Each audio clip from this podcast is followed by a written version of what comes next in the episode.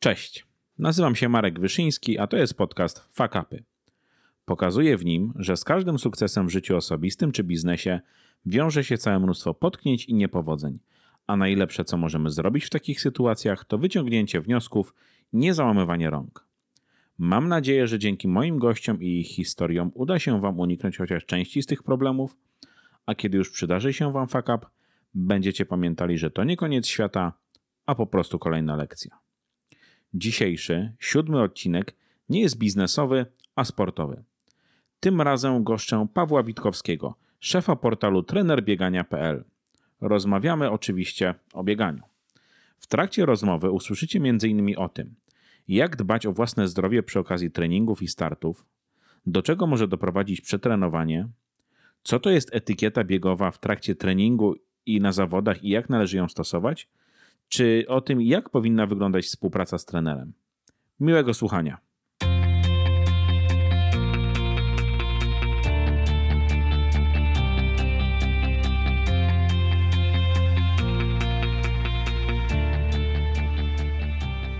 Cześć Pawle. Cześć, cześć Marek. Wielkie dzięki za dołączenie do mnie i za to, że zgodziłeś się pogadać dzisiaj trochę i popowiadać o fakapach związanych z Twoją karierą biegową. Zresztą może nie tylko z Twoją karierą, ale z bieganiem no, w ogóle. Nie tylko z moją. Jak samopoczucie? fakapy chętnie poopowiadam. No wiadomo, lepiej się opowiada zawsze o, o cudzych. E, powiedz mi, jak samopoczucie w, tych, w te ostatnie dni pięknej złotej jesieni? E, powiem Ci, że świetnie, bo od dwóch tygodni właśnie trenuję porządnie, bez bólu. Wyszedłem z kontuzji, także jestem bardzo zadowolony. O, I, i dobrze o kontuzjach sobie na pewno, no. na pewno sobie o kontuzjach dzisiaj pogadamy. O to tym, dobrze, co, bo to jest co, e, co, nieodłączny faka ubiegaczy. Dokładnie. E, wiesz co, taką tradycją w moich odcinkach jest to, że proszę każdego gościa, żeby powiedział sobie o sobie coś, czego nie znajdziesz łatwo w internecie. Ty swoją osobowość online masz na stronie trener biegania, więc chciałbym, żebyś teraz mnie delikatnie zaskoczył. Taki Paweł eee. Witkowski, o którym się nie dowiemy za dużo z internetu. To jest tak, że y, ja tych osobowości mam w internecie pewnie kilka, E, bo jedna to jest taka biegowa i często ludzie myślą, że jak prowadzę portal trenerbiegania.pl, jak prowadziłem wspólnie z Mateuszem Jasińskim, teraz sam z różnymi tam jeszcze e, współpracownikami, którzy pomagają trenować zawodników, właściwie trenują i piszą na ten portal, mm, to oprócz tego mam własną działalność, jestem programistą. To jest moja druga osobowość e, sieciowa, mhm. którą można też znaleźć. Można też znaleźć jakby trzeci profil mm -hmm. jako wykładowcy prowadzącego zajęcia na o, Uniwersytecie proszę. Warszawskim, e, laboratoria komputerowe z baz danych, z programowania aplikacji www. A coś, do czego się ciężko tak naprawdę -hmm. dogrzebać e, i coś, co jest e, jakby, co przez większość życia mojego było moim konikiem, to jest Matematyka. Ja o, proszę. zawsze myślałem już od szkoły podstawowej y, poprzez y, średnią, studia, studia doktoranckie, że ja będę naukowcem mm. matematykiem. Doszedłem już do bardzo wysokiego poziomu, jeśli chodzi -hmm. o tą koncepcję, ale no nie udało mi się ukończyć doktoratu. Trochę inaczej się to potoczyło. Zostałem programistą, prawda? Pracę zawodową rozpocząłem i pewnym momencie też stwierdziłem, że praca matematyka to jednak jest mhm. zbyt samotna jak dla mnie, że ja jednak jestem bardziej istotą taką społeczną, kontaktu z ludźmi, potrzebuję ruchu, a nie takiego zamknięcia się i bardzo wąskiej specjalizacji. Aczkolwiek uważam, że matematyka to jest e, coś najpiękniejszego. Królowa nauk w końcu, tak? Rozumiem. Tak, tak. E, powiedz mi, e, jaki jest twój największy fuck up w ostatnim czasie? Coś, co ci może zapadło w pamięć, wywołało dużo śmiechu, albo niekoniecznie? To jest y, bardzo długi fuck up. To jest fuck up, do którego się przygotowywałem sumiennie okay. przez długi to, czas. To jest podejście, z którym się jeszcze nie spotkałem, tak? Przygotowania do fuck upów. No ale dobra, dajesz. No właśnie. E, więc y, Fuck Up y, zaczął się od mojego największego sukcesu biegowego, który mhm. miał miejsce w ubiegłym roku. To była wygrana e, w ultramaratonie Powstańca. W Wieliszewie. To jest taki już całkiem popularny bieg od 6 lat organizowany, 63 km po takich łąkach, lasach mhm. gminy Wieliszew. Brało w nim udział około 390 osób w ubiegłym roku, no i mi się akurat Gratulacje. to wygrać. Jednak stwierdziłem, że moja wygrana była no, po części związana z tym, że na przykład nie było e, bardzo, bardzo mocnych zawodników.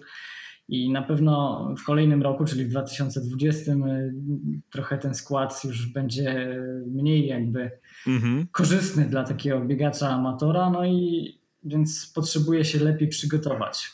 Czyli pomimo tego, że mój wynik był bardzo, bardzo dobry, no to e, chciałem się dużo lepiej przygotować i przygotowania rozpocząłem, tak jak ten ultramaraton był na początku sierpnia, to, to, to praktycznie od października ja już myślałem mhm. o następnym roku i na każdym treningu słuchając muzyki z filmu Rocky wyobrażałem sobie jak to będzie w przyszłym roku, jak będę rywalizował z, z mocniejszymi biegaczami. Cały styczeń, luty e, myślałem o tym biegu, Potem nastąpiła, e, jak wiadomo, mhm. sytuacja z koronawirusem. W marcu zakazano nam jakichś spotkań, e, zakazano wstępu no do tak, lasu nawet, prawda, co na mnie podziałało tak, że, że w tym lesie byłem dwa razy częściej mhm. biegając. E, tutaj na wsiach jednak ta atmosfera była trochę inna. E, zacząłem biegać dużo więcej niż mój organizm był w stanie znosić i doprowadziłem się do bardzo dużego przeciążenia. Już nawet podejrzewałem przeciążeniowe złamanie kości strzałkowej, bo to tak wyglądało, no ale nie odpuszczałem treningów, robiłem bardzo mocne treningi i tak naprawdę jakby w 2020 ultramaraton się odbył na początku lipca, to byłbym w stanie poprawić wynik z ubiegłego roku i rywalizować e, naprawdę z wybitnymi zawodnikami, a skończyło się tak, że ja na tydzień przed tym ultramaratonem podjąłem decyzję z trenerem, że nie biegnę, bo ból był taki, że ja żadnego no, treningu nie mogłem ukończyć, mhm. ból w nodze. Odpuściłem 6 dni. Później stwierdziłem, że jednak to jest moja gmina i ja przynajmniej wystartuję, bo tam jest start honorowy, jest hymn grany na początku. Ja jestem jakby zwycięzcą z ubiegłego roku. Chciałem się po prostu pokazać i stwierdziłem, że pobiegnę, ale jak się zacznie, jak zacznie mhm. boleć, to zejdę z trasy. E, I e, oczywiście stanąłem na tym starcie. Wziąłem e, nawet zapas e, żeli, bo nie wiadomo było, kiedy ten ból się może zacząć, kiedy zejdę, to wziąłem sobie żele, żeby tam dobiec, bo to nie jest tak prosto zejść z trasy po 30 kilometrach, bo no tak. 30 kilometrów od domu, dajmy na to. to. To logistycznie trochę e, ciężko. No i wystartowałem, no i tak biegłem, biegłem. W pewnym momencie ból, on był od początku, ale się noga rozgrzała i się skończył i, i nawet biegłem na dosyć wysokiej pozycji, na piątej, i stwierdziłem, że no dobra, mhm. będę walczył. I po 42 kilometrach to, co się zaczęło w moim organizmie, to, to był początek dwóch najcięższych godzin w moim życiu biegowym. E, nogi mi kompletnie odmówiły posłuszeństwa, bo biegałem mhm. nienaturalnym krokiem. Noga kontuzjowana strasznie bolała. Mięśnie czworogłowe dostały takiej sieczki, że ja po tym biegu autentycznie przez 7 dni nie mogłem zrobić mm. przysiadu, co nigdy mi się nie zdarzyło. No i kontuzję sobie pogłębiłem w taki sposób dokumentny. Zająłem ostatecznie dziewiąte miejsce, Czyli ukończyłeś. które mnie nie satysfakcjonowało.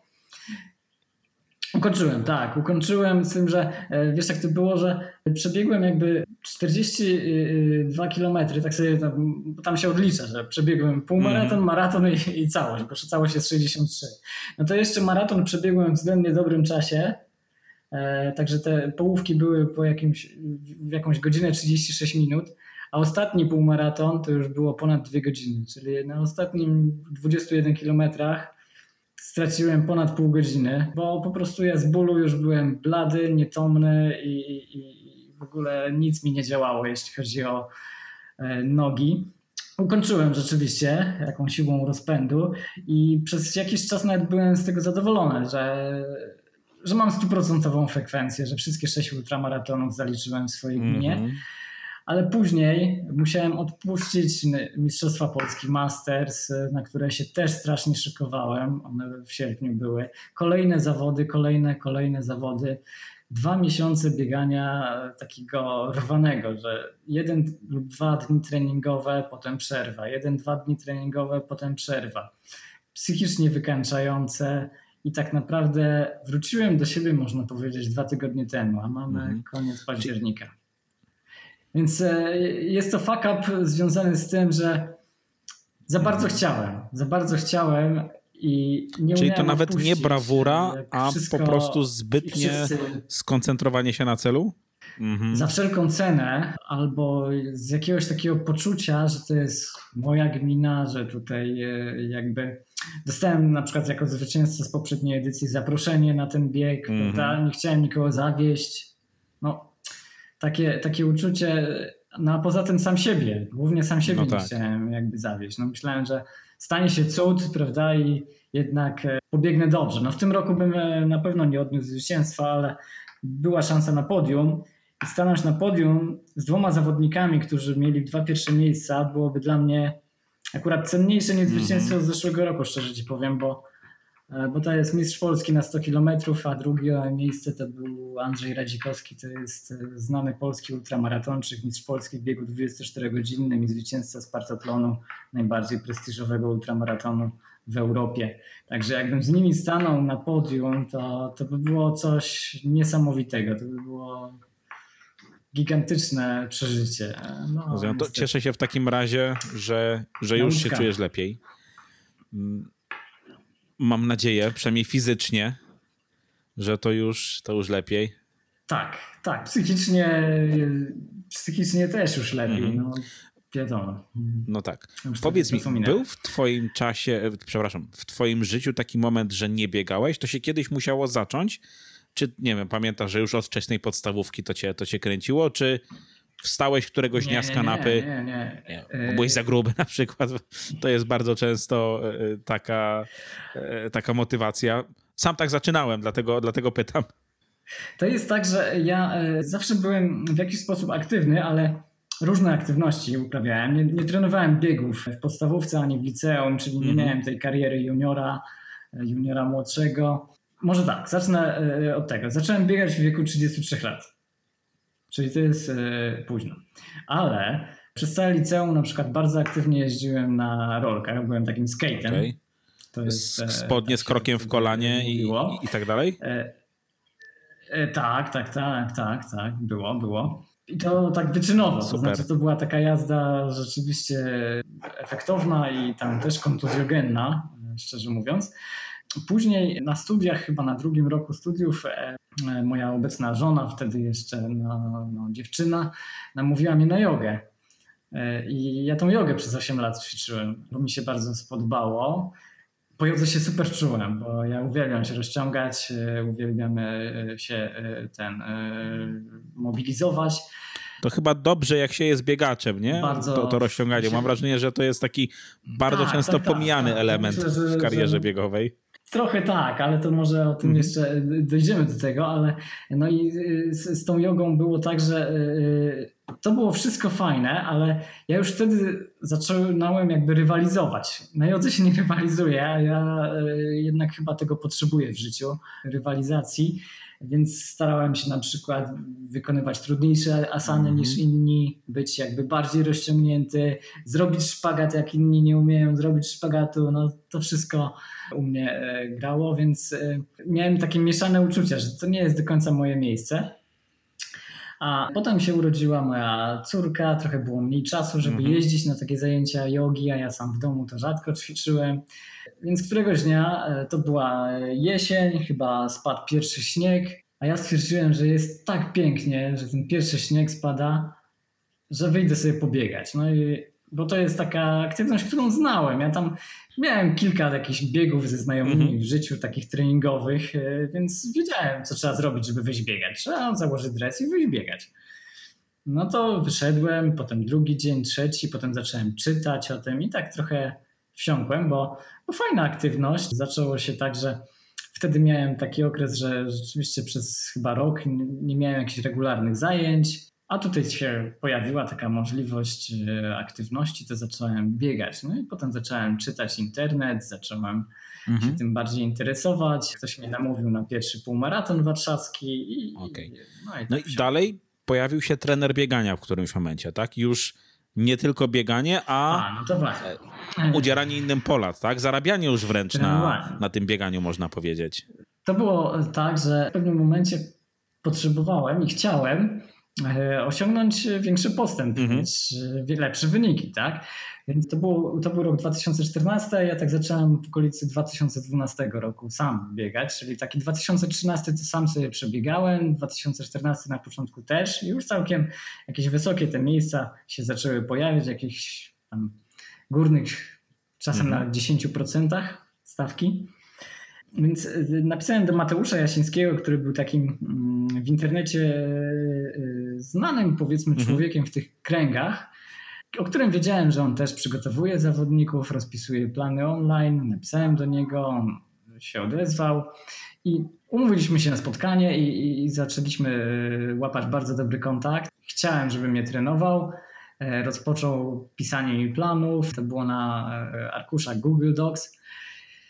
Te plany mi się bardzo spodobały. Bardzo mi się spodobały nowe treningi, o których nie znałem, takie treningi interwałowe, jakieś przebieżki, podbiegi, to wszystko mhm. systematyzowane w jakiejś kolejności, z jakimiś instrukcjami, jak wykonać rozgrzewkę, jak po ilu minutach zacząć te interwały w ogóle. No, to było coś, czego ja wtedy zupełnie nie wiedziałem, więc jak mi się to bardzo spodobało, zobaczyłem jaki jest efekt, że to jest bardzo skuteczne. E, wtedy po raz pierwszy właśnie po miesiącu takich treningów złamałem 40 minut na 10 kilometrów. Mhm że to też już jest fajny wynik dla amatora. No i zaproponowałem Mateuszowi, że to jest super, a ja jestem programistą. Ja mógłbym e, ułatwić sobie pracę i sobie pracę, znaczy sobie jako zawodnikowi, a później moglibyśmy to wykorzystać. Zrobię taki, mm, taką aplikację, do mhm. trenowania online e, będziemy mieć portal, e, znaczy właściwie wtedy jeszcze o portalu nie było mowy, tylko po prostu zastąpić te Google Docs takim dedykowanym narzędziem, w którym trener rozpisuje plany zawodnikowi, zawodnik może komentować, dostaje się powiadomienia mailowe, e, dodaje się jakieś statystyki z treningów, żeby trener widział, mhm. no żeby tak ułatwić pracę, bo Google Docs miało pewne tam wady na dłuższą metę. Mateusz e, na to przystał i rozpoczęliśmy coś takiego. To dosyć szybko powstało. Później e, powstał do tego jakby portal e, trener biegania w takiej swojej pierwszej odsłonie. To było na takim komercyjnym mhm. szablonie kupowanym, takim graficznym, no bo ani ja nie jestem grafikiem, ani Mateusz. I, i stosunkowo szybko to mhm. zdobyło popularność. Zaczęliśmy tam nowych zawodników przyciągać, nowych trenerów. I, I, naprawdę rzeczywiście y, zarabianie było na tym, bo zarabialiśmy po pierwsze na, na tym, że zawodnicy płacą mhm. za trenowanie i mają dla siebie oczywiście zmianę no. życia często, naprawdę, bo z wieloma zawodnikami ja cały czas jestem w kontakcie, są moimi przyjaciółmi teraz. E, co prawda ja sam nie trenuję e, mhm. nikogo, to od razu mówię, że, że ja jestem tutaj takim taką osobą, która to spina od strony informatycznej i teraz jako jakby główny prezes zarządu, ale sam nie, nie tytułuję się mhm. trenerem i nikogo nie trenuję. I e, przez parę lat prowadziliśmy to wszystko. Było spoko, chociaż no, tak jak ja miałem swoje przemyślenia kiedyś z jogą, to Mateusz e, też chyba miał swoje przemyślenia i to się od jakiegoś czasu już zaczęło. On zajął się po prostu czymś innym. I w pewnym momencie stwierdził, że on się chce zajmować jednak holistycznym podejściem do zdrowia, organizmu, ćwiczeń. Nie chce się skupiać na bieganiu. Także ja mhm. przejąłem trenera biegania, a Mateusz sobie rozwija swoją praktykę zawodową w pomaganiu ludziom w inny sposób, jeśli chodzi o diety, akupunkturę e, i ćwiczenia e, niededykowane na jeden sport, tak jakby co zresztą szanuję bardzo, z tym, że ja jestem bardzo skupiony na bieganiu. I, I, ja, jeśli chodzi o trenera biegania, to chciałem mieć coś, co będzie mm -hmm. rzeczywiście Rozumiem. o tym i tylko. Powiem ci, że ja byłem lekko zdziwiony nawet tym, że Mateusz już nie jest zaangażowany w trenera biegania, bo no to była taka osoba, którą gdzieś kojarzyłem od dawien dawna, jak sam kiedyś wpisałem w Google jak biegać. Mhm. Później mhm. była, była cała przygoda z Krzyśkiem Gąciarzem, tak? I, i, i przygotowaniem do, do, do startów. Tak, tak, tak. tak, I tak, tak. w którymś momencie, o, to już Mateusz nie biega. Mateusz zajmuje się teraz czymś zupełnie innym. Właśnie, bo nie wiem, czy nie biega, ale już e, nie zajmuje się trenerem biegania, już nie zajmuje się konkretnie tą działalnością trenerską. Tak, tak, tak. Tak. Już nie. E, mhm. To czy biega? No, biega sobie, biega dla zdrowia, dla mhm. dobrego samopoczucia. Cały czas ma to we krwi. Tylko, że Mateusz e, to no robił tak. od nastolatka, tak? On to robił na wyższym poziomie i jak przygotowywał się do takich zawodów mhm. profesjonalnych, jak się wejdzie na pewien pułap, a później się troszeczkę odpuści, to e, ciężko no tak. jest wrócić na taki poprzedni poziom takiego zawodowego biegania, tego reżimu treningowego. Jak się nie chce być zawodowym biegaczem, to nie ma w sobie takiej motywacji, żeby e, to robić. A poza tym Mateusz jest osobą, która jest strasznie ciekawą mm-hmm.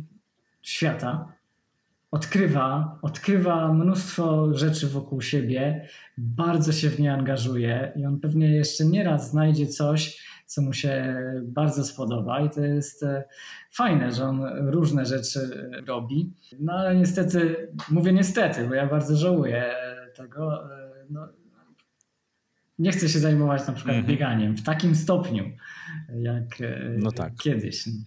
Wspomniałeś wcześniej o tym, że twoi znajomi biegacze, oni ci powiedzieli, jak biegać, tak? Zakładasz dres, buty, idziesz biegać, tak? I to się jakby do tego, tego sprowadza, ale mnie się wydaje, może nawet nie wydaje, jestem pewien, bo sam też miałem krótką przygodę z bieganiem, mam nadzieję, że jeszcze do niej wrócę.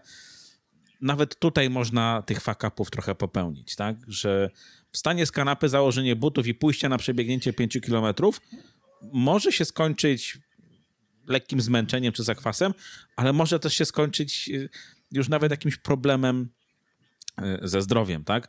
Powiedz mi z twojego doświadczenia albo z doświadczenia ludzi, z którymi miałeś okazję no, działać, współpracować, jak, jakie, są, jakie są te najczęstsze błędy, które się popełnia w momencie, w którym zaczynamy biegać? To, to się zrobiło bardzo modne w ostatnim czasie, w bieganie, może nawet już teraz troszeczkę mniej, ale było takiego, że był po prostu boom i biegali wszyscy i wszędzie. I to jest super, że, że tak dbamy o swoje zdrowie, ale mam wrażenie, że nawet jak się, jak się zaczyna, można, można naprawdę, y, no, mówiąc brzydko, dać ciała, tak? I, I to się może dla nas niekoniecznie fajnie skończyć. Bardzo ładnie e, kiedyś to mój kolega określił, że wszelkie tego typu problemy i fakapy są związane z taką angielską sentencją too much, too soon, too fast, mm -hmm. too hard. I chodzi o to, że wychodzimy biegać, zawsze biegamy na początku za szybko. -hmm. Trzeba zwolnić.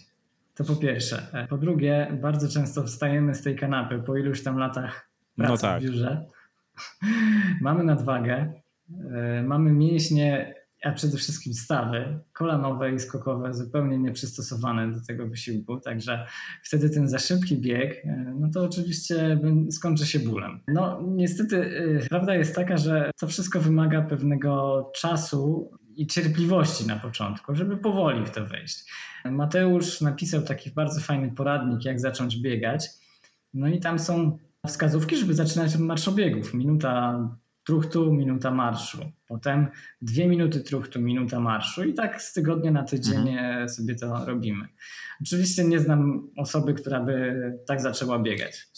No, nie da się wszystkiego zrobić w 100% poprawnie. Ja nawet próbowałem w ten sposób, ale eee... to szło za wolno. Wiesz, to właśnie to dokładnie to, co powiedziałeś. Ja chciałem, ja chciałem mieć te postępy no. szybciej, tak? A tak to mówię, przecież nawet przebiegnięcie piątki w takim tempie, no to będzie trwało w ogóle nie wiadomo ile, tak? Powiedzmy, że w te pół godziny się wyrobię. Mhm, tak, tak, tak. No trzeba, trzeba na te pierwsze piątki rzeczywiście po 40 mhm. minut sobie nawet poświęcić. To będzie zdrowiej. No, powiem tak, że Y, ja mm, nie, nie jestem przekonany, czy y, robienie błędów i uczenie się na własnych błędach jest takie złe. Myślę, że głównym problemem, jeśli chodzi o naszą aktywność fizyczną, jest y, brak odpowiedniej motywacji. Jeżeli ktoś mhm. złapie zajawkę do biegania, to nigdy bym go nie zniechęcał tym, że a, ale powinieneś od marszobiegów zacząć, mm. albo powinieneś coś tam. Niech zacznie jak chce, niech mu się to podoba. Niech go pobolą te kolana trochę. Trzeba troszeczkę y, może jak, jakby ryzyka tutaj podjąć, ale niech pozna swoje ciało, niech y, popróbuje. Będzie wiedział, że jak przesadzi tego następnego dnia i następnego dnia będą bolały kolana przy schodzeniu po schodach na przykład. Ja wszystkie mm -hmm. stadia przeszedłem. Bólu, kontuzji na nierozgrzanych mięśniach. Na całe szczęście nigdy nie było to coś trwałego. To znaczy nigdy nie miałem więcej niż jakby dwa miesiące z kontuzją i chyba nigdy też w tym wszystkim nie miałem więcej niż miesiąc y, bez -hmm. biegania. Raz był miesiąc. Także ja miałem, uznaję, że dużo farta w tym wszystkim, bo jak słyszę czasami historię, że człowiek pół roku nie biegał, bo się leczył, to, to już dla mnie jest szacunek. Mm -hmm. A są i dłuższe okresy, są już nawet półtora roku. Przerwy na przykład związane z jakimś przeciążeniowym złamaniem albo z jakimiś problemami z kręgosłupem. Tak jak mówię, y, ja nie trenuję ludzi i nie znam się dokładnie na wszystkich aspektach y, takich fizjoterapii. Myślę jednak, że mm, większym problemem społecznym jest brak motywacji i, i wmawianie sobie, że nie mam czasu na aktywność fizyczną albo e, właśnie, że mi się nie chce, bo pada, bo mhm. zimno, bo za gorąco, bo wieje, e, bo nie mam gdzie, bo nie mam butów, bo nie mam dresu, bo ten dres jest za stary. No, wymówek jest cała masa. Jeżeli ktoś chce biegać, to niech biega i niech go pobolą te kolana. Niech zrobi sobie te fakapy, które tak naprawdę będą takimi małymi lekcjami, które doprowadzą do mhm. tego, że pozna siebie lepiej i w rezultacie mu to wszystko na, na zdrowie mhm. wyjdzie w długim terminie. Tak uważam. Inna sprawa, że każdy z nas jest indywidualnością yy, i ma też różną przeszłość. No jeżeli ktoś na przykład mówi mi, że a ja nigdy nie biegałem, a w rok sobie doszedłem o, do złamania 40 minut na dychę. No dobra, no ale wcześniej na przykład grałeś w mhm. piłkę 8 lat. No. no to wtedy jasne. Jak ktoś rzeczywiście nic nie robił sportowego, postępy idą wolniej, e, trzeba na siebie dużo bardziej uważać.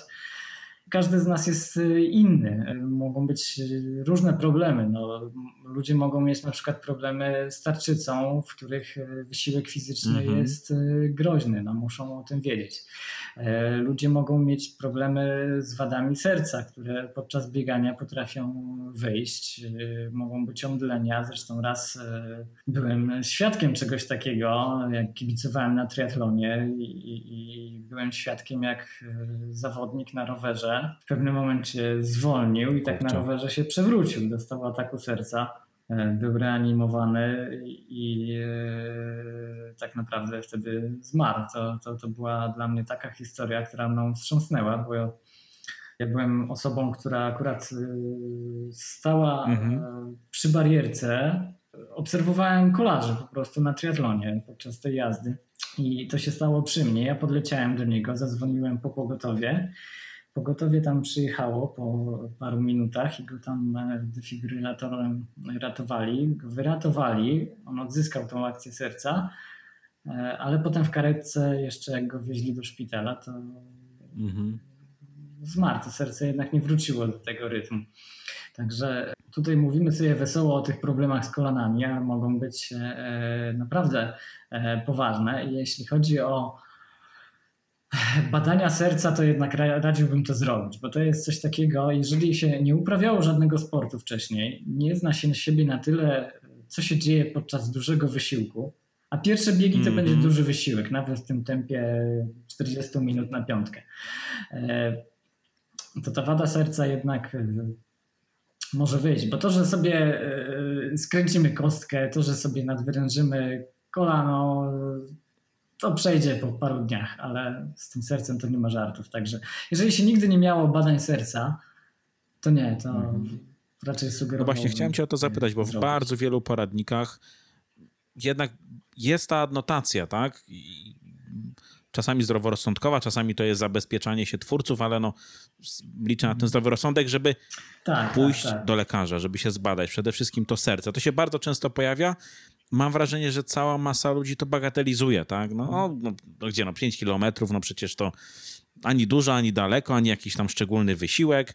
E, zwłaszcza, że są ludzie, którzy mogą nas nakręcać do tego albo wręcz zawstydzać, no co ty, no piątki nie przebiegniesz. I tak jak mówisz, no ty byłeś świadkiem, wręcz uczestnikiem no, finalnie tragicznej sytuacji, tak, związanej z, z, z tak, ze sportem. Tak, tak. To jest tak, że my często mamy te badania wykonywane przy jakiejś okazji, więc y, wiemy. Ja akurat miałem w życiu wiele tych badań, bo jako dziecko byłem dosyć chorowity. To była astma, takie różne historie z alergią. W ogóle mi powiedziano kiedyś, że ja to w ogóle na WF nie powinienem chodzić, i, i, a sportu uprawiać to już w ogóle zapomnij. Także e, miałem tych badań serca mhm. wykonanych sporo w życiu, także ja że wiedziałem, że akurat tutaj nie mam problemu. Ale, no ale z tym rzeczywiście jest tak, że można o tym nie wiedzieć, bo jeżeli ktoś, nie wiem, ma e, krótszą nogę jedną, prawda, i wobec tego potrzebuje innej wkładki do buta, to o tym wiem, że no tak. A, ale z sercem można po prostu nie wiedzieć, a, a mhm. przy wysiłku to wyjdzie. Jeżeli ktoś, jeżeli ktoś uprawiał aktywnie jakiś sport, nigdy nie miał badań, no ale nie wiem, całe życie, dajmy na to, w zawodach pływackich startował i, i pływał jako dziecko, no to jest raczej pewne, że nie ma jakiejś wady ukrytej. Ale jeśli wstajesz z kanapy po 20 latach, to lepiej o tego kardiologa zahaczyć w takim razie. Tak, tak, tak, tak, tak. Zresztą tylko y, też jest y, tak, że y, trzeba by było do dobrego kardiologa, to znaczy wśród biegaczy to jest taka norma, że, że się wie, że nie do każdego no lekarza no tak. można pójść. Bo jak się pójdzie do takiego zwykłego ortopedy, prawda, boli mnie noga. Jak pan biega, to boli? Tak. A jak nie, to biega, nie to nie boli? No, no tak. nie boli. No to niech pan nie biega. Czyli dedykowani no tak lekarze dla tak? sportowców? To w, to w ogóle mówisz o dedykowanych lekarzach dla, dla sportowców bardziej w tym momencie? Na to rzadko kto sobie może pozwolić tak naprawdę e, o takich dedykowanych lekarzach, e, do takich dedykowanych lekarzy, ale rzeczywiście e, lepiej jest zrobić badania u kogoś mhm. poleconego. No są badania medycyny sportowej oczywiście, tylko że to pewnie w dużych miastach no tak. tylko. Są ludzie, którzy zachęcają i kardiolodzy ogólnie zachęcają do, do wysiłku fizycznego, to raczej chyba ortopedzi tacy zwykli powiedzmy no tak. zniechęcają do tego, ale kardiolodzy raczej, mhm. raczej zachęcają. Podobno, że bardzo rzadko jest, pada od kardiologa taka diagnoza, że nie powinien pan biegać. Tylko czasami może paść taka diagnoza, że do ekstremalnego wysiłku nie powinien pan, pani podchodzić, bo to jest e, groźne. Może pan, pani biegać mhm. rekreacyjnie, ale żeby tutaj na wysokie miejsce w maratonie przez trzy godziny, prawda, zamęczać się, to, to będzie mhm. groźne dla Rozumiem. zdrowia i życia. Ale 10 kilometrów codziennie po lesie bardzo wskazane, więc okay. to różnie może być. No. Chciałem Cię zapytać o to, czy Twoim zdaniem zawsze się biega po coś? Czy wiesz, to jest po to, żeby udowodnić e, coś sobie albo innym, żeby poprawić sobie zdrowie, schudnąć? Zawsze jest jakiś taki nadrzędny cel, tak, czy po prostu biega się dla samego faktu biegania? Tak, myślę, że nie, myślę, że zawsze jest jakiś cel, e, e, tylko one są bardzo, bardzo różne. Zawsze jest cel, bo, bo jakby nie mhm. było celu, to to jest głupie wyjście, żeby pobiegać. No po co? A, a w tym czasie mogę przecież popracować, a w tym czasie mogę się zająć dziećmi, mogę posprzątać, mogę coś innego zrobić. W ogóle wyjść i biegać mm. po co? To... Jak się nigdzie nie spieszę. No, no nie, mm. bez celu się nie biega, tylko że celem może być tak.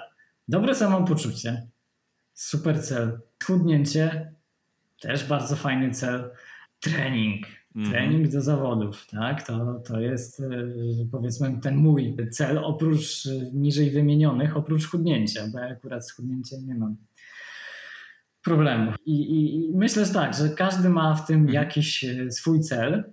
To może być też cel towarzyski.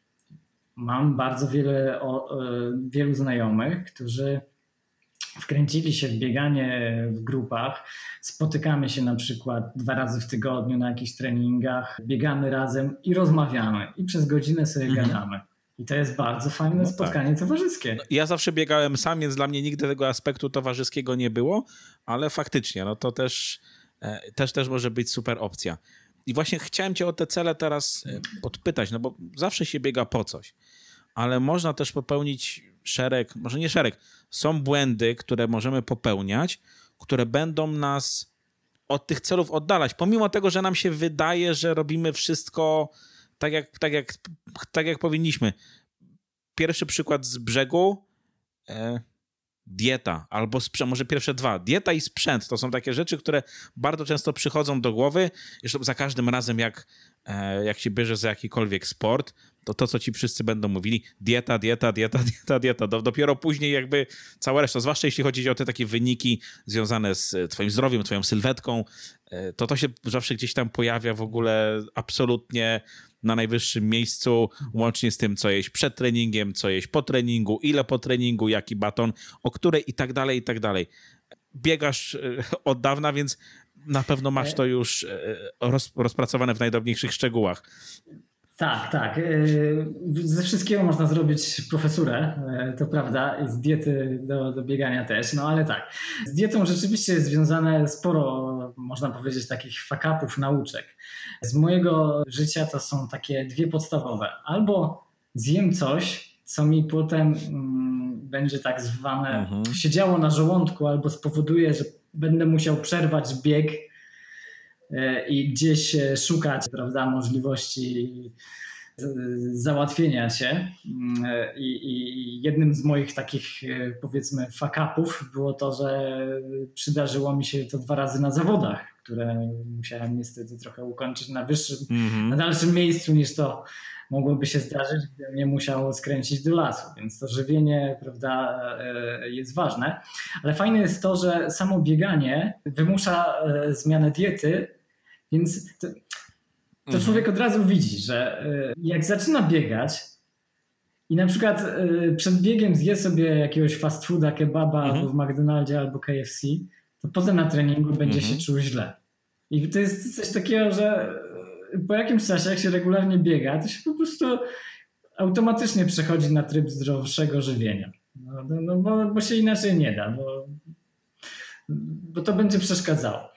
A drugi fuck up jest trochę z innej strony. Niedostateczne odżywianie. Człowiek chce schudnąć bardzo. No właśnie, głodzimy się wtedy Więc, często, e, katorżniczy wysiłek. Deficyt kaloryczny, tak, tak. To jest e, bardzo niebezpieczne. Ja kiedyś miałem taką sytuację, że pobiegłem sobie, to było lato, do lasu. Oczywiście bez żadnej butelki wody, bez żadnego żelu, batonu i, i, i w pewnym momencie się ten bieg jakoś wydłużył, e, trochę nie oszacowałem odległości, trochę się w tym lesie pogubiłem i po 16 kilometrach biegu w upale, bez e, łyka wody, bez e, picia, ja dostawałem już mroczków przed oczami. Byłem jeszcze daleko od domu, a mi się normalnie ciemno zaczęło robić, bo byłem odwodniony, nie miałem już glukozy jakby. To były początki biegania i 16 kilometrów wtedy w upale to był dla mnie mhm. już ekstremalny wysiłek. Telefon mi się Wiadomo. E, rozładował, a ja już chciałem, e, chciałem dzwonić do żony, żeby ona po mnie przyjechała samochodem, bo ja nie dam rady wrócić. I, i w ogóle była taka akcja, że ja do, dobiegłem do jakiejś takiej wiaty w lesie, którą znałem. Wiedziałem, że ona jest 3,5 km ode mnie od domu. I, i tam e, przy śmietniku leżało jabłko. Jak ja się na to jabłko rzuciłem, Kurczę żeby dostarczyć odrobinę tego cukru. Boże, wiesz jakie to jabłko Domyślam było? się. To było najsłodsze jabłko w moim życiu. I, I słuchaj, ja zjadłem to jabłko i dotruchtałem do domu. W domu pierwsze co zrobiłem, to otworzyłem taką szufladę ze słodyczami. Zjadłem pół czekolady i wtedy mi mózg zaczął myśleć. Dopiero. No więc e, tego typu rzeczy są związane z odżywianiem. To ja sobie nie zdawałem sprawy, że tak mogę się wyczerpać energetycznie i że to jest takie groźne, że ja mogłem w tym mm -hmm. lesie gdzieś zasłabnąć w upale, być odwodnionym i tak dalej.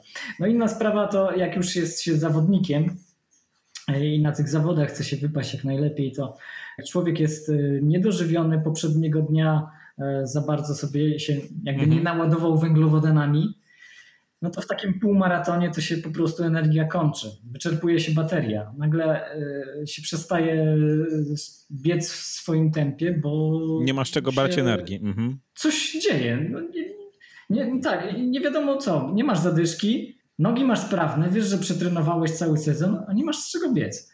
No, nie, nie najadłeś się poprzedniego dnia, więc e, nie można wprowadzać też e, tutaj mhm. skrajności, tak?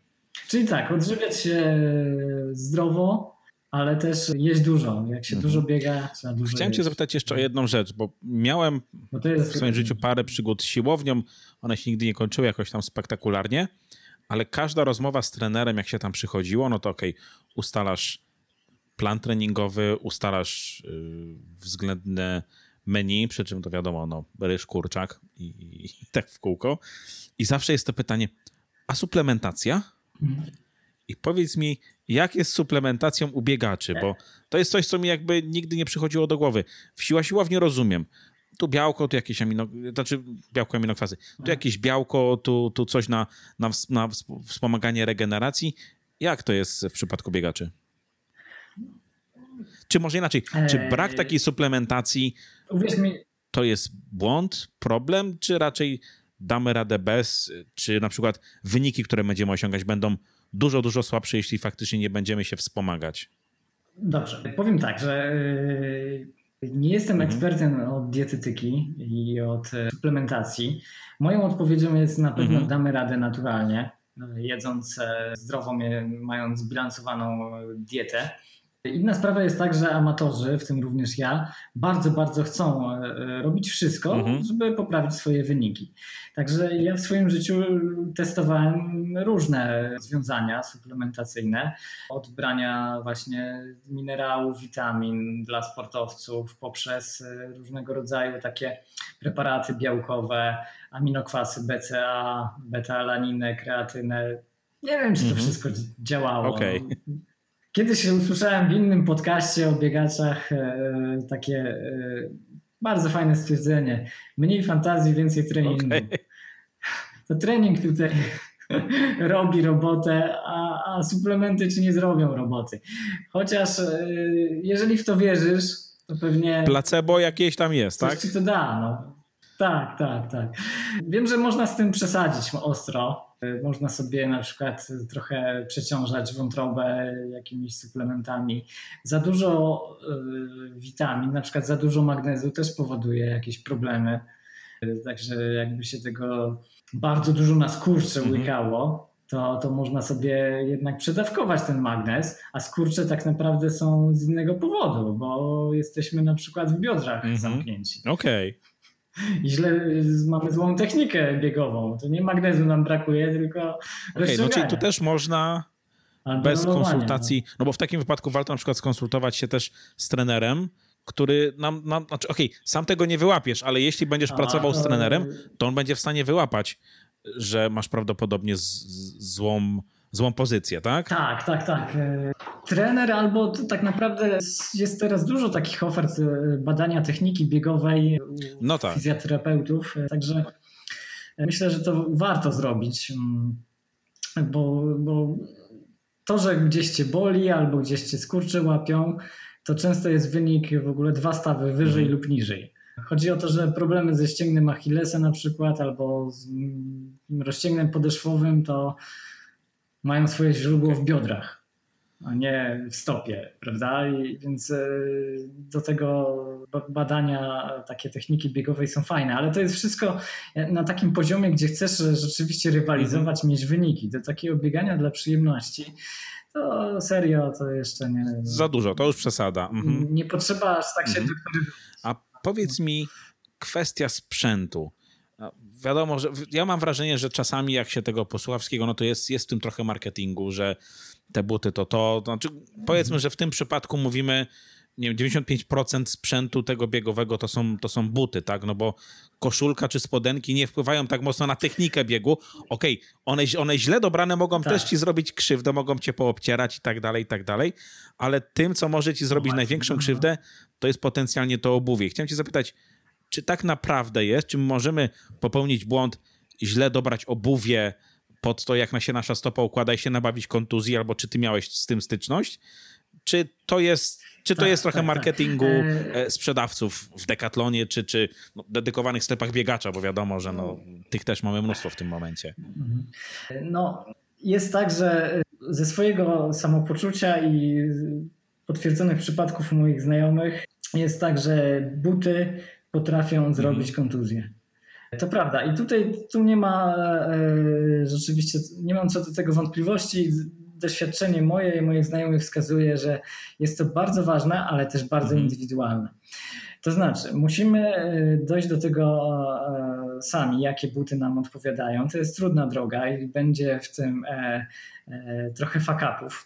Czasami kupimy buty, które po prostu nam nie będą leżały. Na przykład ja kiedyś super nowe buty, prawda, drogie dostałem i, i, i, pierwszy trening i pęcherze na nogach, drugi trening powiększyły się. No po prostu no, mam te buty cały czas, używam je do koszenia mhm. trawnika. Bo jak chodzę, to nic się w nich nie dzieje, ale do biegania się nie nadają.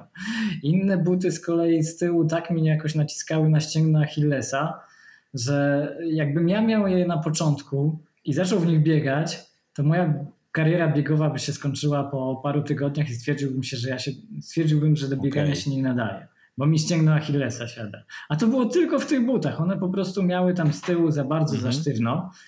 A to są fajne buty podobno i ludzie je polecają, ale akurat na moją stopę, na moją nogę mm -hmm. nie pasowały. E, inna sprawa to są te buty, podział dla pronatorów i supinatorów, w zależności od tego, jak skręcasz e, nogę to też może powodować problemy. I zresztą ja chyba w tym roku, jak zwiększyłem ten kilometraż bardzo, bardzo i przez 8 tygodni biegałem po 140 km tygodniowo, to moja pronacja zaczęła jednak e, powodować e, problemy, bo ja zawsze jakoś stwierdzałem, że e, pronacja, supinacja, jeden pies, ja będę biegał w neutralnych, mm -hmm. co tam. To mi zawsze działało, ale jak szedłem na 140 km tygodniowo, to nagle się posypało. I teraz sobie z większą stabilizacją jednak buty kupiłem. Jest lepiej, autentycznie jest lepiej. Także to, co mówisz, jeśli chodzi o te buty, to ma duże znaczenie, ale po pierwsze, nie ma znaczenia cena. Mogą być buty za 1000 zł i za 200 zł, i te za 200 mogą być dla Ciebie lepsze, mhm. zdrowsze i szybsze. A te za 1000 będą Ci służyły do koszenia mhm. trawnika, bo akurat Twoja stopa źle mhm. będzie je przyjmowała. Druga sprawa jest taka, że buty warto ogólnie zmieniać. Jak jesteś takim biegaczem jak ja, że dużo biega, mhm. ja mam w domu już chyba z 8 par butów e, i sobie czasami zmieniam, bo ja też nie uznaję czegoś takiego, że buty tysiąc kilometrów. No właśnie, to chciałem zapytać. Mówią, że po tysiącu wyrzucić, Moje kupić buty... nowe, tak? Ale ty to byś zrobił w 2,5 miesiąca, nie, tak? Nie, nie, nie. Tak, tak. Ja bym to zrobił w 2,5 miesiąca, ja bym na całych butach zbankrutował. Nie, ja w butach biegam 3-4 tysiące spokojnie i sobie tak y, też czasami zmieniam, czasami założę sobie jakieś starsze. Warto zmieniać. A ogólnie też y, a propos tego, każdy taki ruch y, bardzo powtarzalny jest niezdrowy. Wobec tego, na przykład jak w tych butach biegamy zawsze po tej samej ścieżce i to asfalcie, to będzie zawsze źle w porównaniu z tym, jakbyśmy raz sobie pobiegli do lasu, raz na jakąś łąkę, raz mhm. na asfalcie, żeby trochę pozmieniać. A bieganie w lesie, po krosie tak zwanym, gdzie są korzenie, gdzie jest nierówna nawierzchnia, ten staw skokowy tak nam pobudza, on się na różne strony skręca, i to na dłuższą metę nas e, adaptuje i e, zabezpiecza przed kontuzjami. Czyli ogólnie e, bieganie i wzmacnianie stopy to jest mhm. bardzo ważna rzecz. Także z tymi butami to masz rację, że to jest źródło wielu fakapów. Ja jeśli chodzi o buty przeżyłem sporo i moi znajomi też, a inny jeszcze jest błąd, że kupujemy często buty tego rozmiaru do tych mhm. butów, w których chodzimy. Ja jestem zdania, że jednak buty powinny być numer lub półtora większe, okay. zwłaszcza jeżeli planujemy starty w maratonie. Są ludzie, którzy są zdania innego. Na przykład y, mój znajomy Paweł Żuk, który bierze udział w super ultra biegach, nawet y, ostatnio przebieg 5000 km 49 dni. Okay. To jest taki najdłuższy certyfikowany bieg. On twierdzi, że buty zawsze kupuje na rozmiar, bo jemu stopa puchnie, ale się nie wydłuża. Okej. Okay. Czyli on, jemu zależy na tym, żeby wszerz, nawet sobie tam czasami podcina, coś modyfikuje sam, ale że nie wydłuży się. No, y, ja y, jestem jednak zdania, że numer półtora razy, numer półtora większe są dobre i, i, i tak mam, że, że powiedzmy chodzę w butach takich rozmiarów 40-41, a, a biegam 42. Okay. A to cenna uwaga, dzięki, muszę wypróbować w takim razie. Akurat mam podobny rozmiar stopy, także może mhm. chociaż mi do, tych, do tego startu w maratonach jeszcze no, no. nie trochę, dużo brakuje. No w maratonie puchną, puchną mm. nogi. Jak y, będzie się miało buty za ciasne, to zaczną skurcze w łydkach łapać, co nie? I potem ten magnes i tak dalej. Ja to wcale to nie, ten, nie, nie ten to, problem. Prawda? Ale widzisz, to jest, jak, jaki to jest zestaw naczyń połączonych, że nie zwracasz na to uwagi, ok? E, puchną mnie łydki, no tak jak mówisz, będę się suplementował magnezem, a problem leży w bucie, problem leży w tak. biodrze. E, I jednak warto w takim momencie czasami pójść zasięgnąć oper, opinii ortopedy, dobrego, o czym już wspomniałeś no, y, wcześniej, e, niż, niż próbować tak, samemu, tak. E, samemu się leczyć. E, no, z, znaczy z tym sam, samoleczeniem to jest tak, że po pewnym doświadczeniu rzeczywiście każdy biegacz jest takim swoim lekarzem, bo wie, że trzeba się no wyrolować, tak. na przykład, bo ma spięte mięśnie, coś tam posmaruje, coś z, z, wymrozi, prawda? No, musimy sobie radzić sami, no, zwłaszcza teraz, teraz do lekarza no tak. ciężko. E, chciałem cię teraz podpytać o starty, no bo przerobiliśmy już ten etap e, trenowania i tak jak mhm. mówiłeś, no trenujemy po coś, ty trenujesz właśnie po to, żeby mieć te coraz lepsze wyniki w startach. Jak to jest w samych startach? Czy mhm. okej, okay, no powiedzmy piątka, dycha się wydają takimi jeszcze w miarę bezpiecznymi dystansami. Oczywiście mówię to jako laik, gdzie trudniej o zrobienie sobie krzywdy niż w przypadku dystansów e, no 21, maratonu czy ultra. Tam dużo więcej, mam wrażenie, może pójść nie tak, albo ten, no ten przedział czasowy, w którym możemy sobie zrobić krzywdę, jest zdecydowanie większy. Jakie są te twoje nauczki, eee. jeśli idzie o starty? Bo o przetrenowaniu totalnym i starcie z kontuzją już mówiłeś. Co jeszcze ci się przydarzyło? Tak, tak, tak. Dobra, e, dobra, to jest bardzo fajne pytanie i akurat e, tutaj nieskromnie stwierdzę, że na właściwego człowieka trafiło, bo e, jeśli chodzi o dystanse, to jak mój trener mówi, ja chyba jestem jedyną osobą w Polsce, która w zeszłym roku poprawiła się na 400 metrów i na 63 km i na wszystkich dystansach pomiędzy. Czyli Gratulacje. Ja I przedłużony sprint 400 metrów i 800 i 1500, 3000 i tak aż do 63 mhm. km i znam każdy dystans. Biegałem też na 100 metrów i na 200 metrów. I tutaj cię zaskoczę. Najbardziej niebezpieczny dla mnie z tych wszystkich dystansów to są właśnie mhm. sprinty. Półmaraton, maraton nie jest dla mnie niebezpiecznym dystansem. O, ultra to jest trochę osobny temat, ale 100 metrów to jest dystans, którego bym się bał na przykład teraz pobiec. Autentycznie. Dwa razy w życiu to pobiegłem i, i, i bałbym się jeszcze raz to mhm. zrobić. Ze względu na to, że mam już 41 lat, mój układ y, mięśniowy mógłby tego nie mhm. znieść. Y, a stosunkowo silne mam mięśnie, tylko jakbym się do tego wysiłku stuprocentowego, takiego sprintu zmobilizował, to, to bym się ponadrywał. E, biegam 400 metrów, które jest już ciut wolniejsze, ale 400 metrów u mnie trwa minutę, a ja do tego potrzebuję 40 minut y, rozgrzewki. Okay. To takiej porządnej, to jest, to jest bardzo skomplikowana rozgrzewka, to jest 15 minut ruchu, mobilizacja, pobudzenie siłowe, no, trzymanie spodni długich cały czas, tuż przed startem ściąganie, no, to, to, to jest coś takiego, że no, no, bieg na 400 metrów e, wymaga tyle zachodu, a trwa minutę. I, I, uważam, że dużo więcej jakby może pójść nie tak niż w półmaratonie. Okay. E, chociaż te same zjawiska obowiązują, że się za szybko zacznie. Mhm. 200 metrów można pobiec sprintem i po 200 metrach stanąć. No tak to mhm. jest, że na maksymalny wysiłek stać człowieka przez 30 sekund. Jak się pobiegnie sprintem 200 metrów, to się nie dobiegnie dystansu 400. Mhm. W, w półmaratonie, jak się za szybko zacznie, się wolniej skończy. Ale nie ma tak, y, powiedzmy w moim przypadku, że, e, że będzie jakaś totalna katastrofa, a z 400 metrów to naprawdę można się przewrócić przed metą, bo, bo już tak kompletnie okay. nic nie ma. każdy z dystansów ma mniej więcej coś takiego, że jak mija jego dwie trzecie, to jest największy mhm. kryzys. Czy to jest piątka, czy to jest dycha, czy to jest maraton. Jak są dwie trzecie dystansu, to jest najgorzej.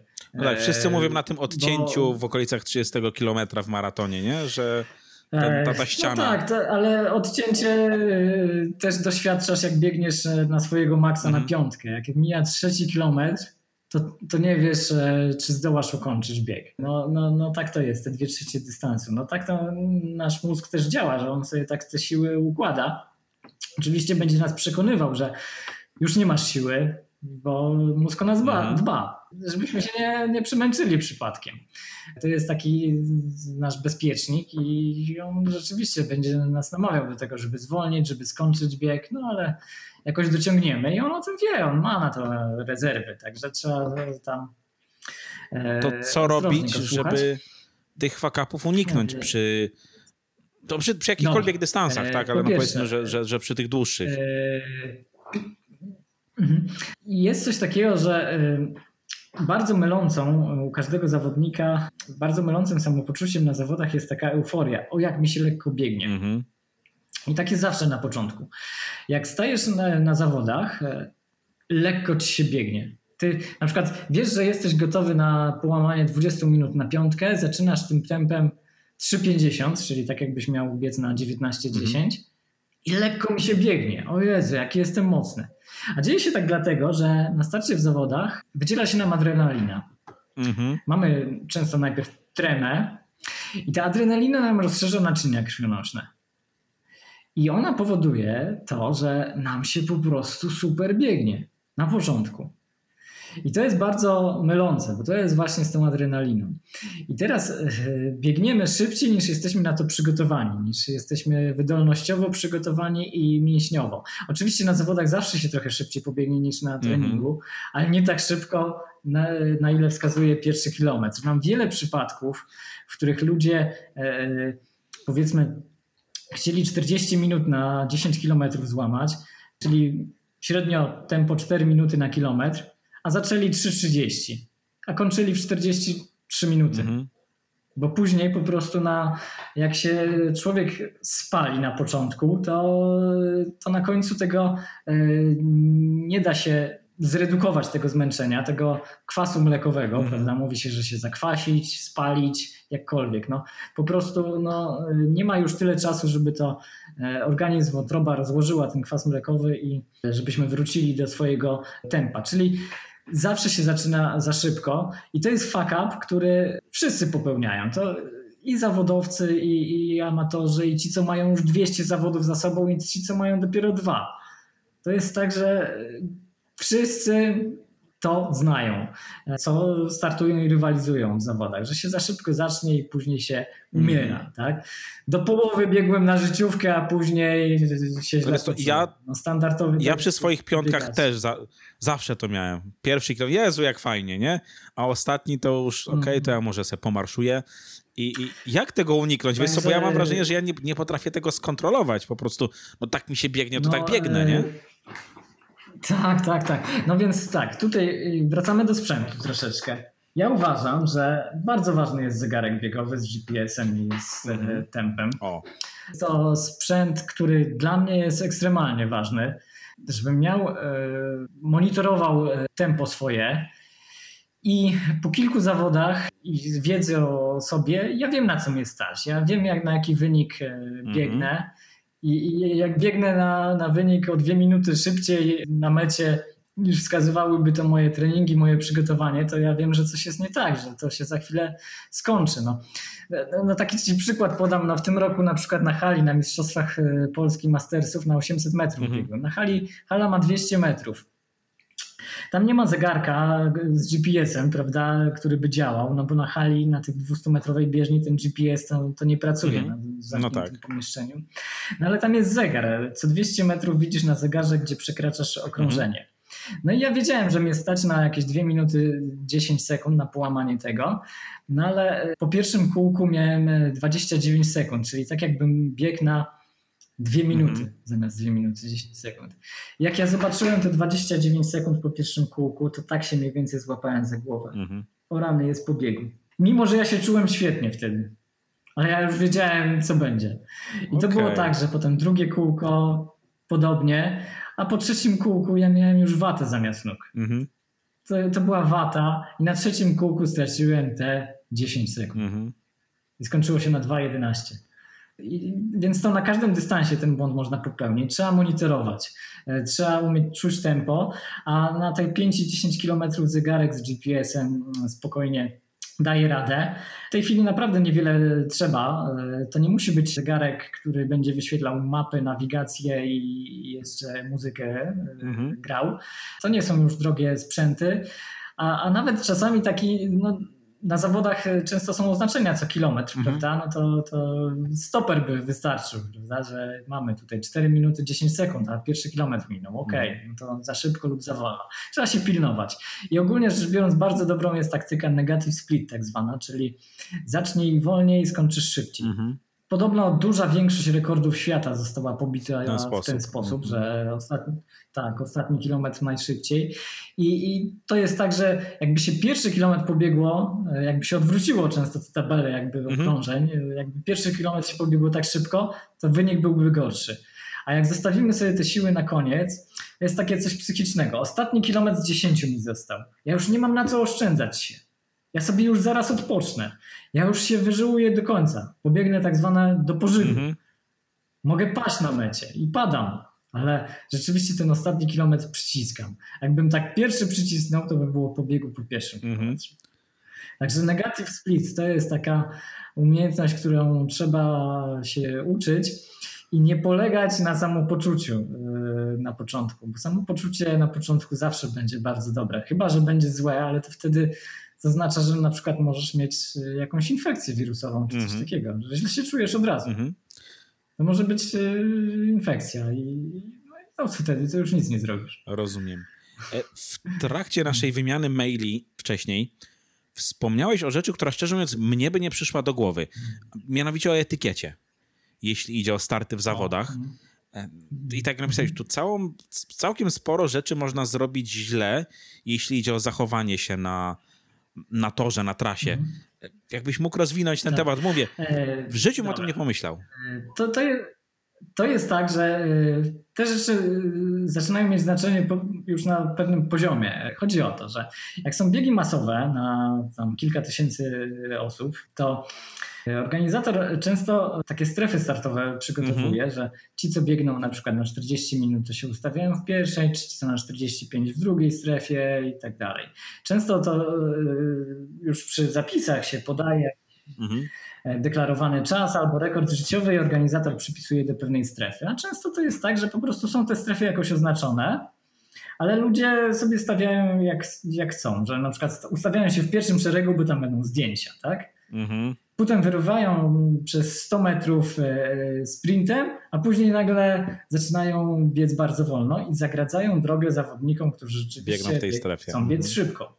E, Tak, więc e, no, ustawianie się w złych strefach startowych utrudnia bieg zawodnikom, którzy starają się o osiągnięcie e, rekordu życiowego. Bardzo utrudnia, bo potem trzeba e, e, zawodników, którzy się ustawili powiedzmy w nie swojej strefie startowej, wymijać. Oni często blokują.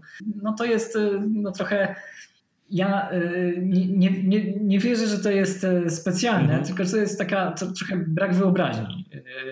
Ludzie trochę nie wiedzą, że dla innych zawodników to nie zdjęcie ze startu się liczy fajne, że będę tutaj w pierwszym szeregu, tylko No wynik tak. na mecie, tak? E, e, I, i, I jak zagradzamy im drogę, no to, to się trochę irytują, więc to jest ta część etykiety. Mhm.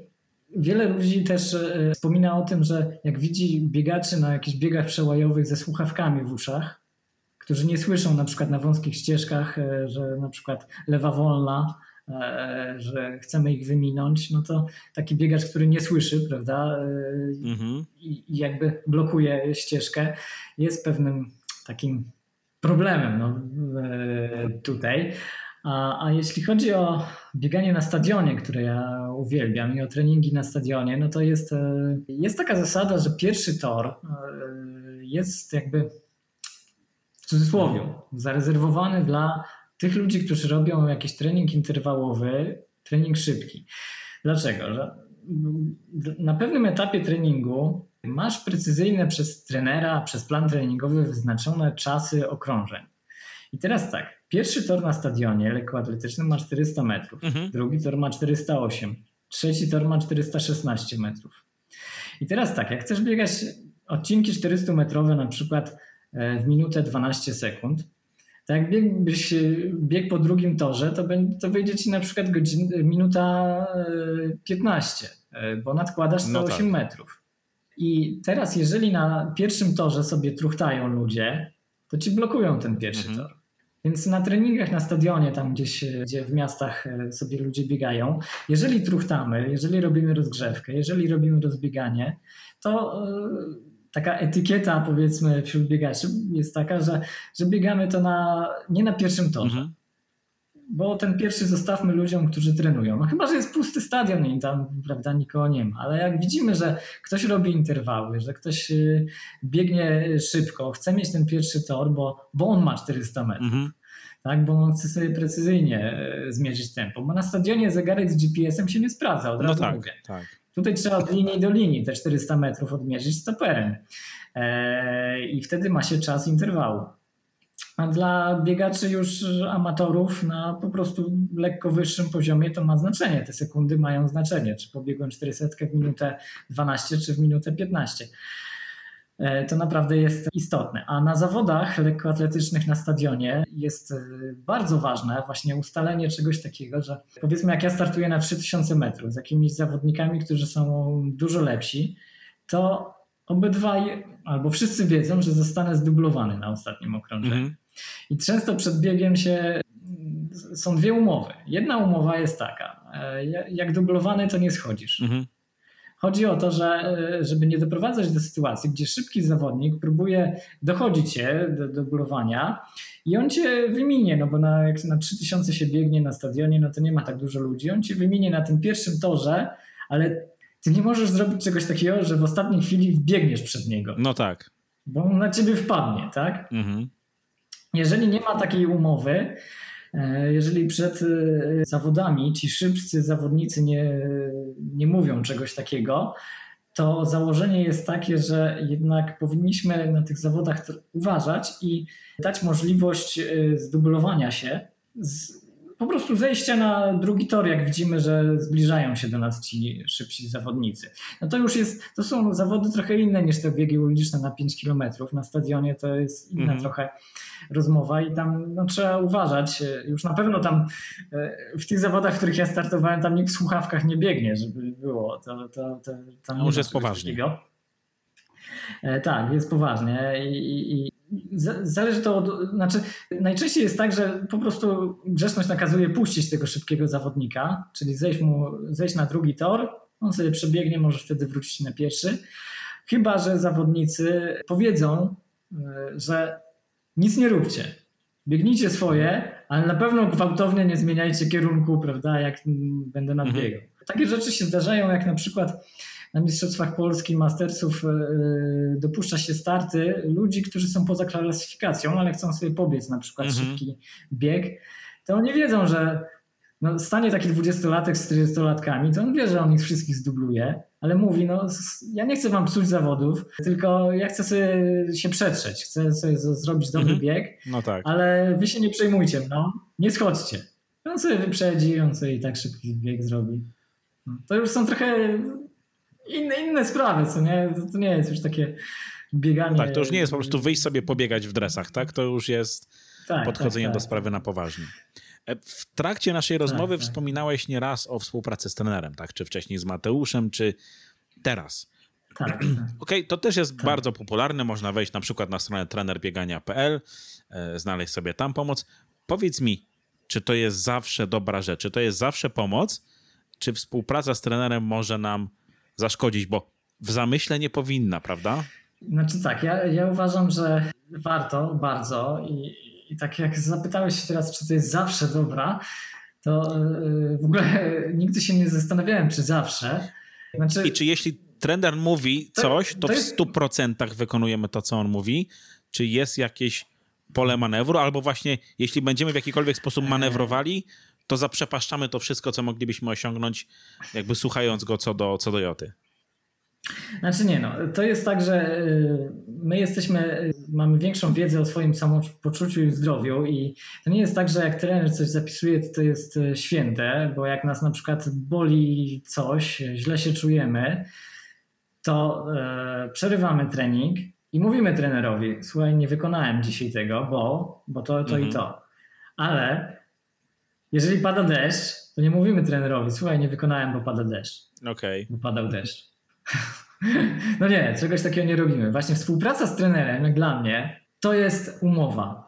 I to jest bardzo motywujące. Mm -hmm. I uważam, że dlatego, i przede wszystkim chyba dlatego dla amatora warto, bo to jest jakby kupowanie usługi, kupowanie sobie motywacji. Bardzo, bardzo. Mm -hmm. I to mhm. jest y, dla mnie bardzo ważne, jeśli chodzi o, o, o ludzi E, motywowanie. Ja na przykład dzięki trenerom swoim doszedłem do takiego etapu, e, że nie mam żadnego problemu z motywowaniem się do treningów, ale na początku z Mateuszem i później właśnie z Darkiem Wieczorkiem, to było to, że mnie zmuszało do tego, że ja mam umowę z trenerem, że on mi się postarał, przemyślał, to rozpisał trening. A co, jak go dzisiaj nie wykonam? Co ja jutro zrobię? Czy ja jutro zrobię ten dzisiejszy, czy ja jutro zrobię następny?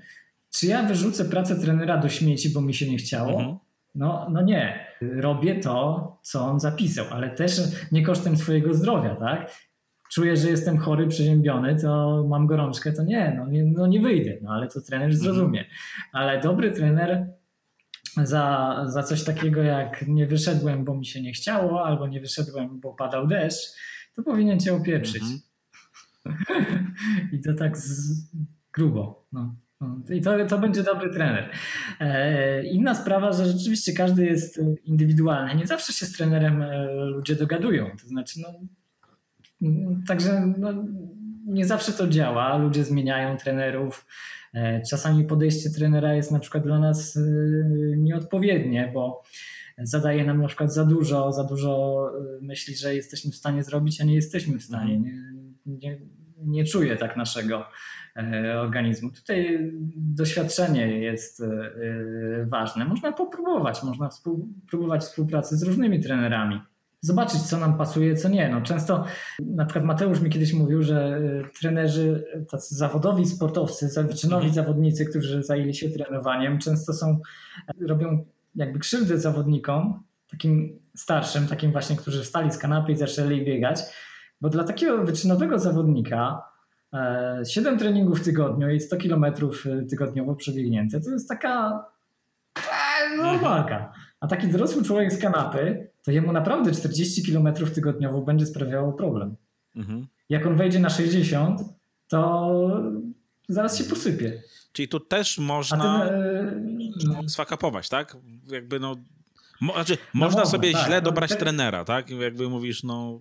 Tak, tak. Można sobie źle dobrać trenera, e, ale e, samemu też. E, znaczy, ja jestem zdania, że jeśli chodzi o nieudaną współpracę z trenerem, to chyba 80 albo 90% winy to jest wina zawodnika. Okay. Jednak. Jak już ktoś trenuje, to jednak coś tam wie i to jest jednak dobre. A co może zawodnik źle robić? Po pierwsze, może nadrabiać, e, to znaczy za bardzo mhm. chcieć. Trener wie, że trzeba cierpliwie do celu dążyć, tak? A zawodnik nie, bo ja chcę szybciej. Bo ja chcę już za miesiąc yy, złamać mhm. te 40 minut na dychę. I sobie dokłada. I to jest w ogóle to jest mój przykład. Mhm. ja sobie, Dokładałeś sobie? Ja, tak, ja, ja nie umiem się pod, przed tym powstrzymać. Nie wiem, no, ja po prostu tak lubię e, trenowanie, że no, no ale wiele razy to się mhm. skończyło tym, że miałem po prostu słaby wynik na zawodach. No, poświęciłem już mhm. poświęciłem dużo czasu na trening, który generalnie jakby było go trochę mniej, trochę mniej intensywnie, to na zawodach bym pokazał 100%, a tak to pokazałem na zawodach mhm. 90%. Ale wspominałeś nawet na początku rozmowy, że umówiliście się z trenerem, że nie będziesz startował w tym ultramaratonie, prawda? Że jakby taką podjęliście tak, decyzję, tak. a ty i tak pobiegłeś. No właśnie, to jest przykład tego, że ja, ja, to było tak, że ja z nim rozmawiałem e, jakby we wtorek, potem minęła środa, czwartek, piątek i w sobotę do niego napisałem słuchaj Darek, ja jutro wystartuję, bo chcę po prostu wystartować chcę się tam pokazać, zobaczę co Mhm. będzie i najwyżej zejdę z trasy. No i tak mu po prostu przekazałem, no i co on? To nie jest coś takiego, my nie przygotowujemy się do Tokio, prawda? Ja No jestem tak. amatorem. To, to nie, nie, moje konsekwencje moich błędów tutaj nie mają znaczenia dla ludzkości, dla mojej rodziny, z jakiegoś wielkiego, także to no nie, nie, nie zabronił mi startować, No tak. tak. Ale y, potem jak mu mówiłem, e, no to czułem, że to nie jest tak do końca, no on wiedział co będzie. Mhm. Wiedział co będzie i też się pewnie wkurzał, że przez kolejne dwa miesiące tak naprawdę mieliśmy się do czegoś przygotowywać, a Nie było ja nie byłem w stanie Mhm. robić treningów, bo, bo ciągle coś było nie tak. Także y, no, ja jeśli chodzi o błędy, no ja, ja też jestem niecierpliwy i, i, i robię różne e, Mhm. swoje pomysły realizuję, ale ja do tego trochę podchodzę tak, że y, właśnie ja się nie muszę y, martwić o utrzymanie zbiegania. No tak, Ja to jest, to jest frajda radość po i- prostu. I, Mhm. a ja z treningów mam strasznie dużo radości i, i naprawdę ja to lubię robić. I, no i po prostu czasami za dużo, za dużo Ale czyli ten high biegowy jest ci potrzebny. No, tak, tak, tak, tak. No, na dłuższą metę to ja utrzymuję motywację, utrzymuję motywację do treningów, Mhm. także no, w jakiś sposób się też rozumiemy z trenerem. To znaczy on pewnie też y, wie, jak jest u mnie i co ja robię, to znaczy nie, nie, nie kłócimy Mhm. się, chociaż czasami rzeczywiście e, mówi mi Paweł, e, e, dwa starty w weekend to możesz, ale trzy już nie, zabraniam ci. A to już nawet logistycznie chyba ciężko rozwiązać czasami, nie? No, kiedyś miałem taką sytuację, że piątek, sobota i niedziela miałem starty. Zezwolił tylko na dwa. Okej. Wiesz co, tak No. chciałem już lekko podsumować i jak, jak, y, jak cię słucham, to mam wrażenie, że tym takim największym fuck-upem, e, największym problemem czy potknięciem, jeśli idzie o, o, tą karierę biegową, głównie mówimy o tej amatorskiej, tak? No bo wiadomo, że w przypadku zawodowców to Mhm. działa inaczej, to jest to to jest ta brawura, to jest to jakby cały czas chce nie więcej, bo, bo są rzeczy, tak jak mówisz, jest ta etykieta, mogą być źle dobrane buty, ale ta brawura jest, jest, jest w stanie ci zrobić jakby największą krzywdę. Może inaczej, to nie ona ci robi krzywdę, bo tą krzywdę robisz ty sobie sam, tak? Y, Wreszcie zawsze. Tak. Zgodziłbyś się tutaj z, ze mną? Akurat ja jestem typem osoby, która przegięła w drugą stronę z bieganiem i przegina Mhm. w drugą stronę, także rzeczywiście u mnie największym problemem jest to, że ja chcę za szybko, za, za Mhm. dużo e, i, i tak mam cały czas, ale, Czyli too soon, too fast, too hard? ale tak? jak, tak, tak, tak, ale no jak mam pasję, ja jestem bardzo szczęśliwy z tego, że mam pasję, no. To super. także... Wiesz co, no. na samo zakończenie chciałem cię zapytać o taką najważniejszą nauczkę, jeśli w ogóle idzie o fakapy w życiu, z jaką byś chciał zostawić słuchaczy. Fakapy są dobre, Okej, uczą. okej, To nie są fakapy, to są lekcje. dzięki. E, powiedz mi jeszcze, gdzie można cię znaleźć w internecie. Tak jak mówisz, robisz trochę w, w sieci, gdzie, gdzie można cię łatwo Tak. znaleźć.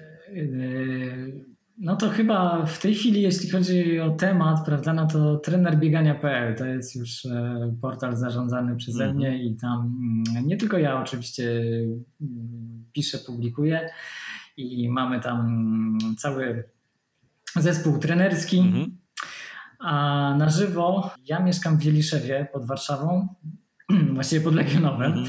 I dużo treningów właśnie w Legionowie pod Warszawą odbywamy. Jestem członkiem grupy biegowej Wieliszew Heron Team, ale również biegam z innymi grupami y, Bravehearts Legionowo na przykład. E, Bardzo dobrze e, tutaj e, społeczność się organizuje i Mhm. spotykamy się na różnego rodzaju treningach. Czasem biegam też e, w Warszawie na, na Agrykoli, mm, w Łazienkach. Tam też e, dużo grup biegowych trenuję. E, No ogólnie rzecz biorąc, e, Nie jest to trudne, żeby gdzieś na ciebie ludźmi, wpaść, którzy- rozumiem, na trasie. Mówię, że nie Słucham? jest to trudne, żeby wpaść na ciebie gdzieś na trasie. no nie, nie, nie. nie. Okej, super. Można. I bardzo lubię też startować, bardzo lubię parkrany, bardzo teraz boleję nad tym, że No nie tak. ma ich. Parkrany, czyli takie biegi co tydzień organizowane w różnych miejscach Polski, w 70 ponad lokalizacjach, e, zawsze w sobotę o 9 Mhm. rano. Także to, to też e, lubię. Super. Trenerbiegania.pl to jest takie miejsce biegowe, którym Którym na pewno jest. kontakt nawiązać. Okej. Na Facebooku też, na Instagramie trenerbiegania.pl. Ogromne dzięki za poświęcony czas i za te cenne nauczki, którymi się podzieliłeś i, i swoje, i, e, i cudze. E, No i mam nadzieję, że może uda nam się gdzieś kiedyś spotkać na szlaku. Bardzo by było miło. Fajnie. Dobra. To dzięki w takim razie i do Dziękuję usłyszenia, do bardzo. zobaczenia. Cześć. Do zobaczenia. Dzięki wielkie za wysłuchanie odcinka. Na sam koniec mam do Was jeszcze małą prośbę. Niezależnie od tego, czy słuchacie odcinka przez iTunes, Spotify, YouTube czy jakikolwiek inny serwis, oceniajcie, subskrybujcie i komentujcie. Dzięki temu będę wiedział, jak robić ten podcast jeszcze lepiej. Do usłyszenia w następnym odcinku. Cześć!